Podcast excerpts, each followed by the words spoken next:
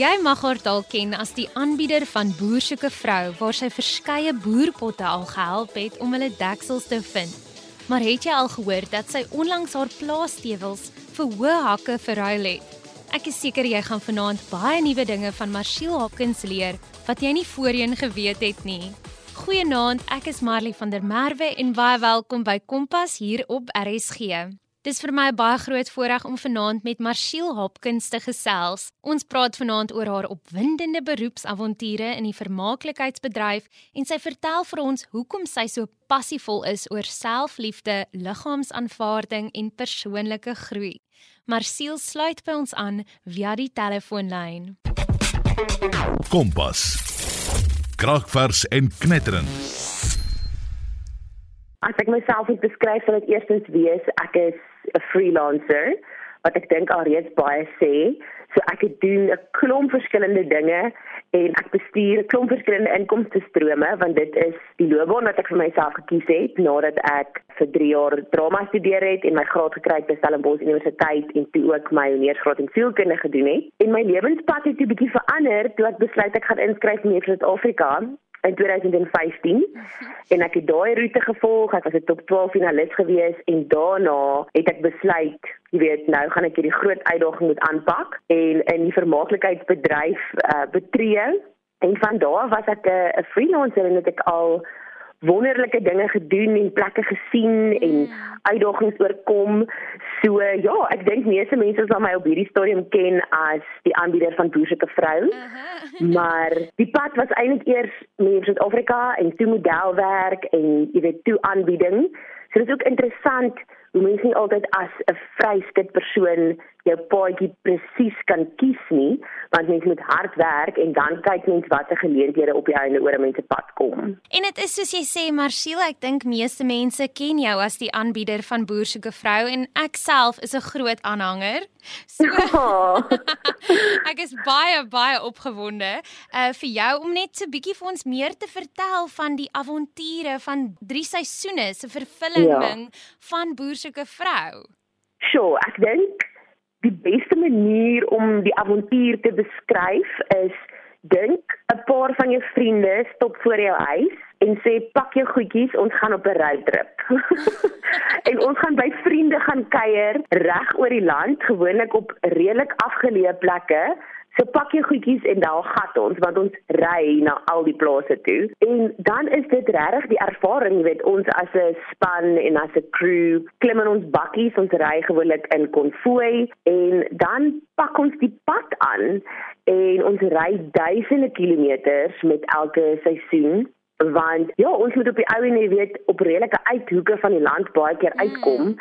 So dis nie net van highways hier ry ons reg uit Johannesburg toe nie. Ons vat al die afdraai paadjies, al die interessante grondpaaie en dan gaan kuier ons by die boere.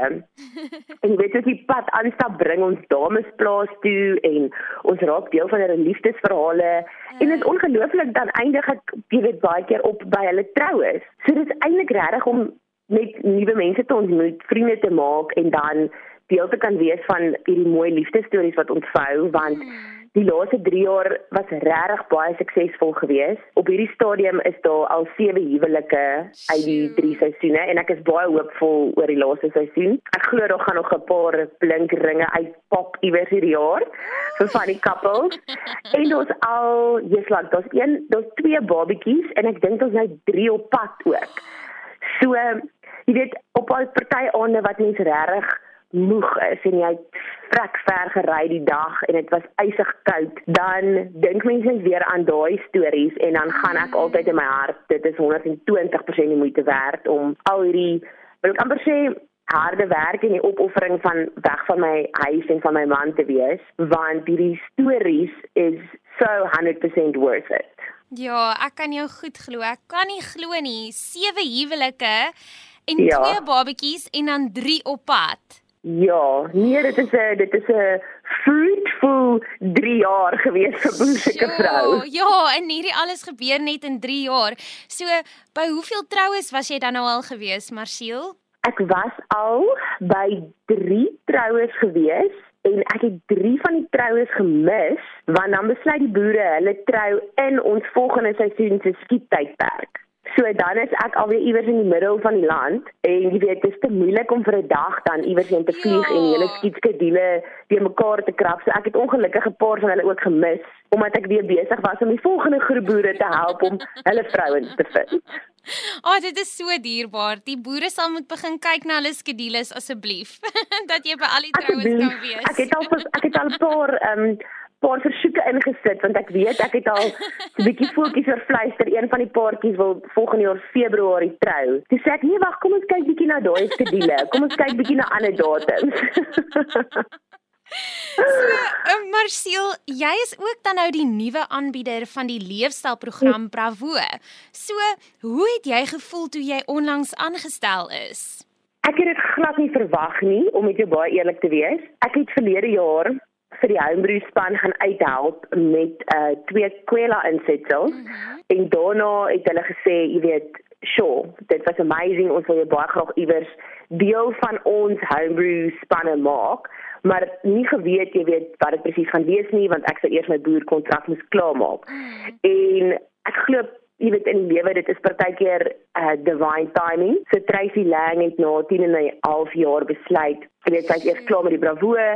Dink sy het al alles gegee vir die laaste 10 jaar mm. en toe was dit net hierdie perfekte tyd, perfekte geleentheid vir my om toe te kan intree daar as 'n nuwe uh, vroulike aanbieder. En ek onthou nog toe ek gesels met die vervaardiger en hy my vra daaroor, ek was so 'n paar sekondes so doodstil, want dit het nie lekker vir my ingesink nie. Toe gaan ek so half na 5 minute Hoorie, ek is actually verskriklik opgewonde hieroor. Ja, dit sal amazing wees, maar ek was so half completely in skok gewees. So, dit is ja, dit is 'n verskriklike groot voorreg en ek is nou al aan die gang. Ek het al dink ek se sewe insetsels gedoen en dit is vir my heerlik want ek ontmoet elke keer iemand wat 'n ongelooflike talent het of iets wonderlik bereik het of iets wonderlik gedoen het. Ek praat met skrywers, ek praat met chefs, ek praat met ontwerpers. So dis so wye netwerk wat my kop ook so oopmaak vir ander mense se talente en ek voel na elke insetsel dan voel ek wow jy weet ons land het sulke ongelooflike talentvolle mense mm. en wat 'n voorreg om hulle talente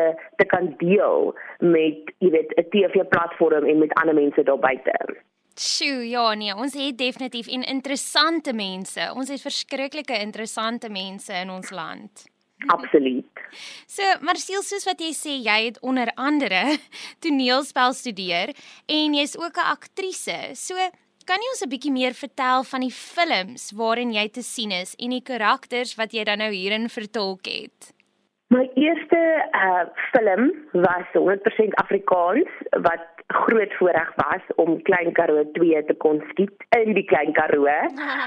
en ek onthou die eerste dag toe ek, jy weet, stel die ry, jy weet, uit die Kaap uit Oudtshoorn toe, was ek so op my senuwees want alhoewel ek dit gestudeer het en jy weet die laaste paar jaar het ek weer begin jy weet klasse neem net om my vaardighede weer bietjie op te skerp want ek het vir 4 jaar modelwerk gedoen wat ek glad nie daai spiere geoefen het nie.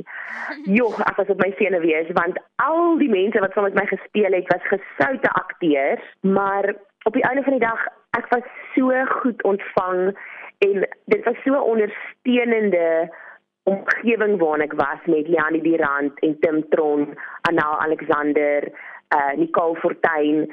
So dit was die beste ding wat met my kon gebeur om om my eerste wil ek amper sê treetjies as aktrise daar te kon neem. En daarna het daar 'n Netflix film gevolg Angelina wat ek ehm um, so met die director Uga Kalini geskiet het wat amazing was. En ek het 'n kort film gedoen vir kyk net wat baie spesiaal was. So Op hierdie stadium hou ek nog styf duim vas dat daar nog geleenthede oor my pad kom, maar ek is ook in dieselfde asem rustig om te weet dat ek voel nogal op hierdie stadium die aanbiedings geleenthede kom baie sterk deur. Ek doen ook baie MC werk. So op hierdie stadium gaan ek waar die geleenthede my neem en as daar dan iewers oor my pad kom om weer toneel te speel, sal dit vir my wonderlik wees. Maar ek dink ook mense kan nie te veel druk daarop plaas nie, net omdat mens moet wag vir die regte tyd en die regte geleentheid. Ja, hierdie is alles so wonderlik, maar ek moet iets uit dit uitvat wat jy nou vir ons beantwoord het, dat jy gesê het dat jy ook op jou senuwees was. Dit is my eintlik so mooi om te hoor dat selfs jy nog op jou senuwees was om iets te doen? Hoe dit ek dink jy weet so baie kere dan sit mens self met die aanbiedingswerk wat ek nou ja. voltyd gedoen het vir 3 jaar. En dan kry jy party daar waar jy sit en hulle gaan, okay, weet, okay, 3 2 1 action. Dan voel ek so adrenalien.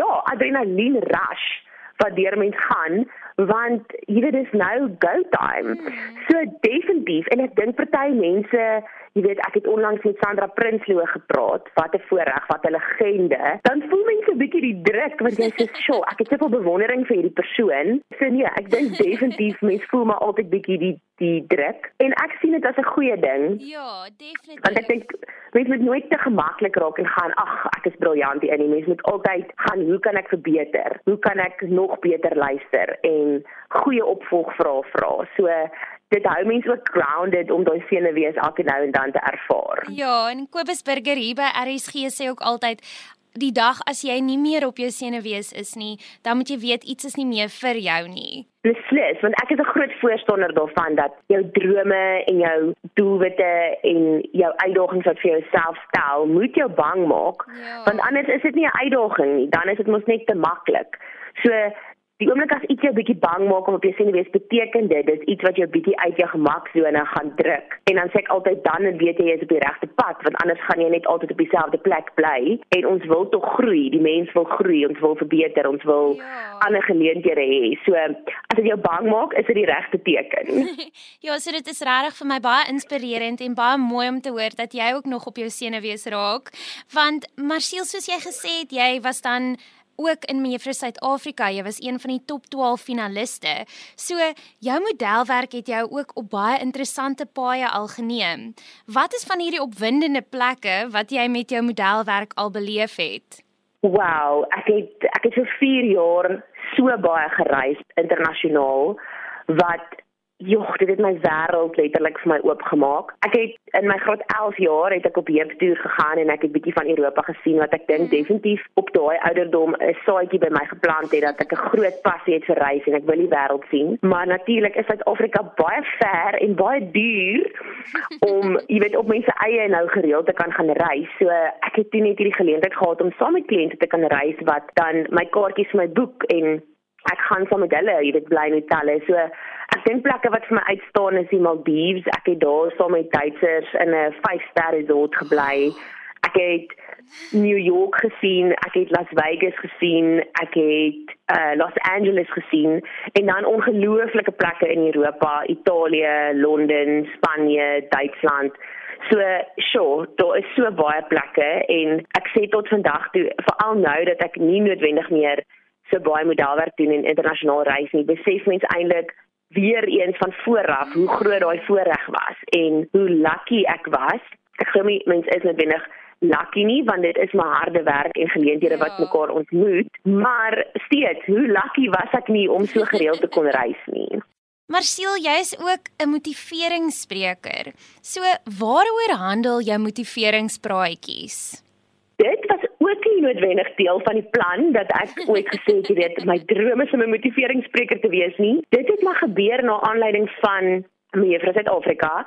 Ek dink baie mense ken ook dalk 'n klein deeltjie van die storie dat ek 14 kg in 4 maande verloor het om deel te wees van die kompetisie, maar ook dan nou die interessante reis rondom die selfliefde en die liggaamsaanvaarding waarmee ek verskriklik gesukkel het in daai tyd want ek sê ook altyd vir mense so baie gewig soos ek verloor het en alhoewel ek nou top 12 finalis was sukkel 'n mens maar met om van jouself te hou en jou liggaam te aanvaar en om nie jouself heeltyd te moet vergelyk nie. En dan dink ek spoel dit maar oor in die lewe en dan veral ook in die vermaaklikheidsindustrie want op die einde is jy altyd as jy by 'n audisie of 'n casting instap in direkte kompetisie met ander mense want dit is maar die enigste manier hoe jy die werk gaan boek. So na dit het ek op sosiale media begin gesels oor hierdie reis en hoe moeilik dit vir my was en dat ek toe weer, jy weet, so teruggegaan het na my ehm um, gesonde natuurlike shape na die kompetisie en dit het verskriklik baie aandag gekry op sosiale media want ek dink daar was baie vroue wat daarbey kon aanklank vind, jy weet, om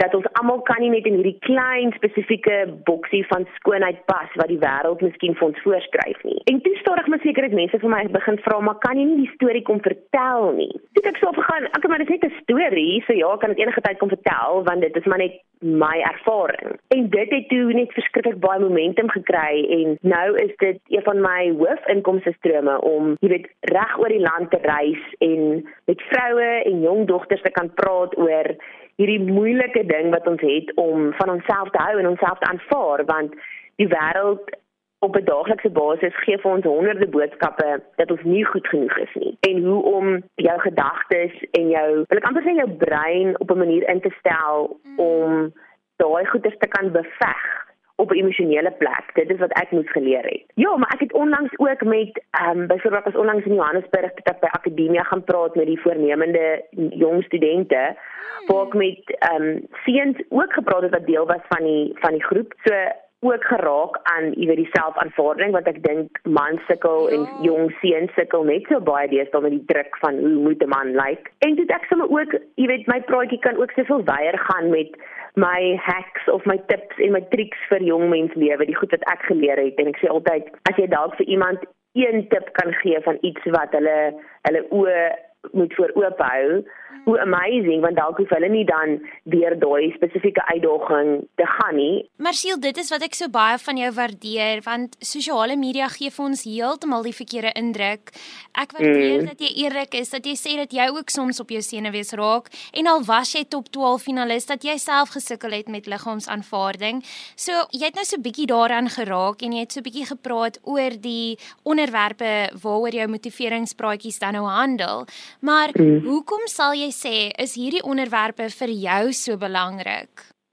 Ek het vir so lank as 'n hoërskoolmeisie, jy weet, as 'n tiener en selfs as 'n student myself aan die wêreldse standaarde gemeet van skoonheid. So ek het van klein dogtertjie gedroom om modelwerk te doen en dan dink ek altyd aan die tyd toe ek nou tiener was, was die grootste model of die supermodel van daai tyd was Kate Moss wat op 'n stadium 'n size 0 was, maar dit was die verwagting wat geskep was vir as jy model wou wees en jy wou op die loopplanke van Parys en Milan loop. En as 'n lang meisie, as 'n atleties geboude meisie wat naturally curvy is, ek lyk presies soos my ouma, was dit 'n verskriklike onrealistiese standaard waarteen ek myself gemeet het wat dan natuurlik sou gemaak het dat ek nie goed genoeg voel nie, nooit gemaklik het eh, gevoel het in my eie vel of tevrede was nie, want ek het altyd gedink jy weet ek moet gewig verloor om mooi te kan wees, om 'n kerel te kan kry, om dit te maak in die vermaaklikheidsindustrie. En ek het net hierdie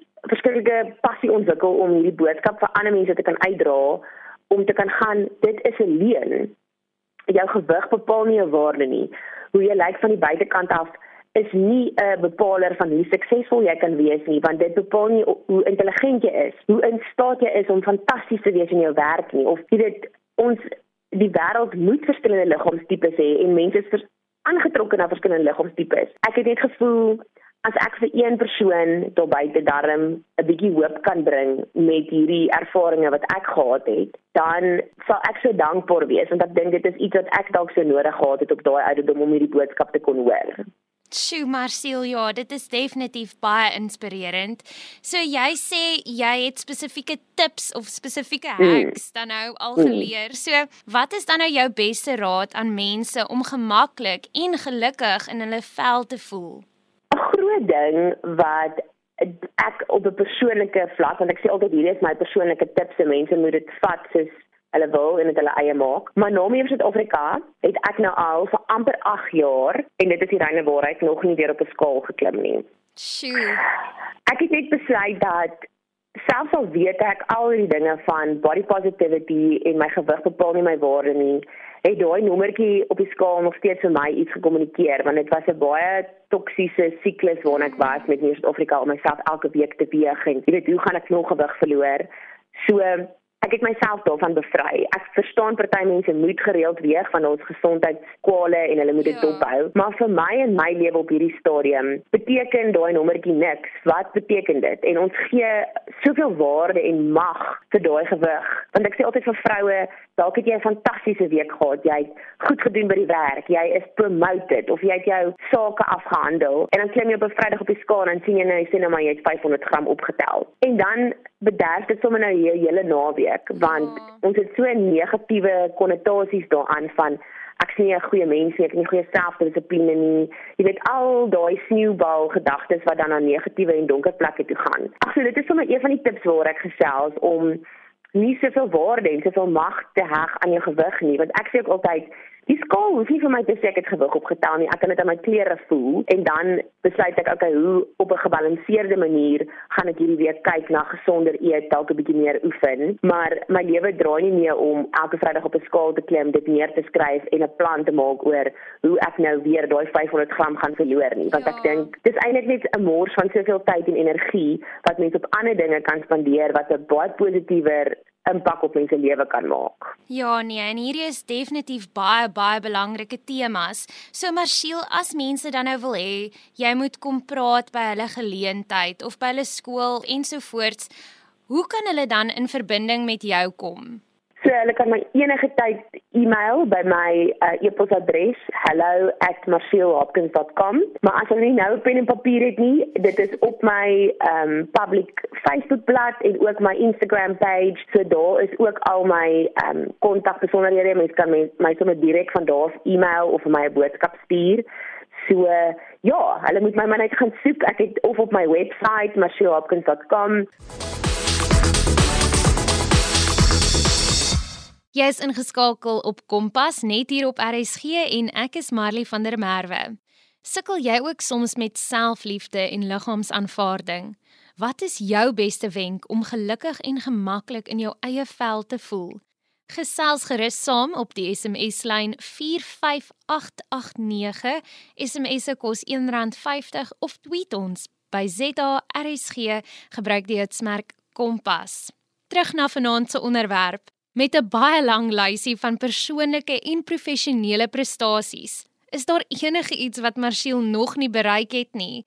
Marsiel, wat hou die toekoms dan nou als vir jou in? Hmm, so nou wat nou onlangs gaan opkom is, ek gaan bietjie Italië toe in Junie maand saam met my man. Ons gaan vir sy sussie kuier sy bly al vir 10 jaar in Italië, sy het met 'n Italianer getrou. So ons gaan 'n bietjie by haar kuier vir die familie en bietjie op ons eie ook die Amalfi-kus doen. En dan kom my twee beste vriendinne ook oor. En dan die res van die jaar daarna is dit Vrouedag in Augustus, so ek doen 'n klomp praatjies en ek doen 'n klomp um, ehm, MC werk vir spoggeleenthede en natuurlik dan nou soveel as moontlik bravo insetsels tussenin. En dan sê ek altyd as mens oop wees vir die geleenthede wat oor jou pad kom. Ek het hierdie week byvoorbeeld weer bietjie modelwerk gedoen. Dit was 'n lekker verrassing. So vir my is dit maar altyd om al die geleenthede wat oor my pad kom te kan aangryp. Ek dink ek en my man begin definitief ook gesels oor om iewers met 'n gesin te begin want ek dink nie nou dadelik sal wees nie.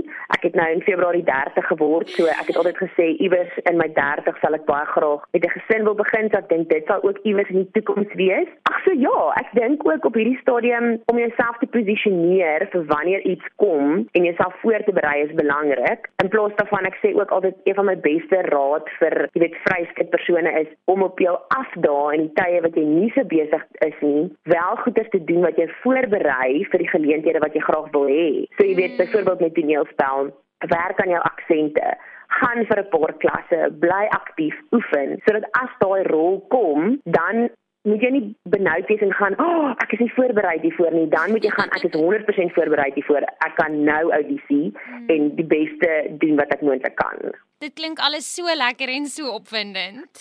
so ons wens jou alles van die beste toe vir dit. Maar voordat ek vir jou groet, het jy enige finale woorde wat jy graag met ons luisteraars sou wou deel?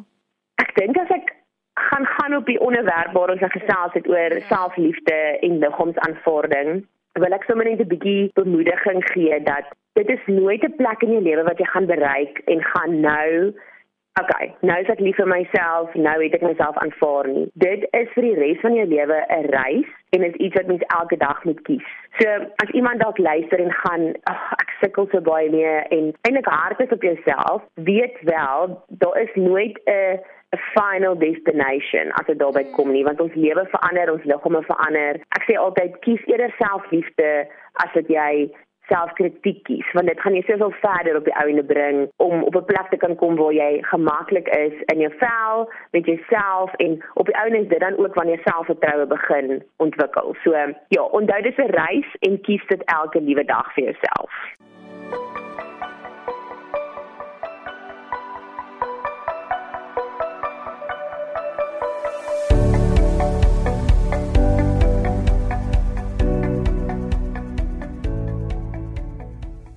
Dit was dan onder andere aanbieder, aktrise, internasionale model en motiveringsspreker Marcel Hopkins. Ongelukkig is dit tyd vir my om te groet.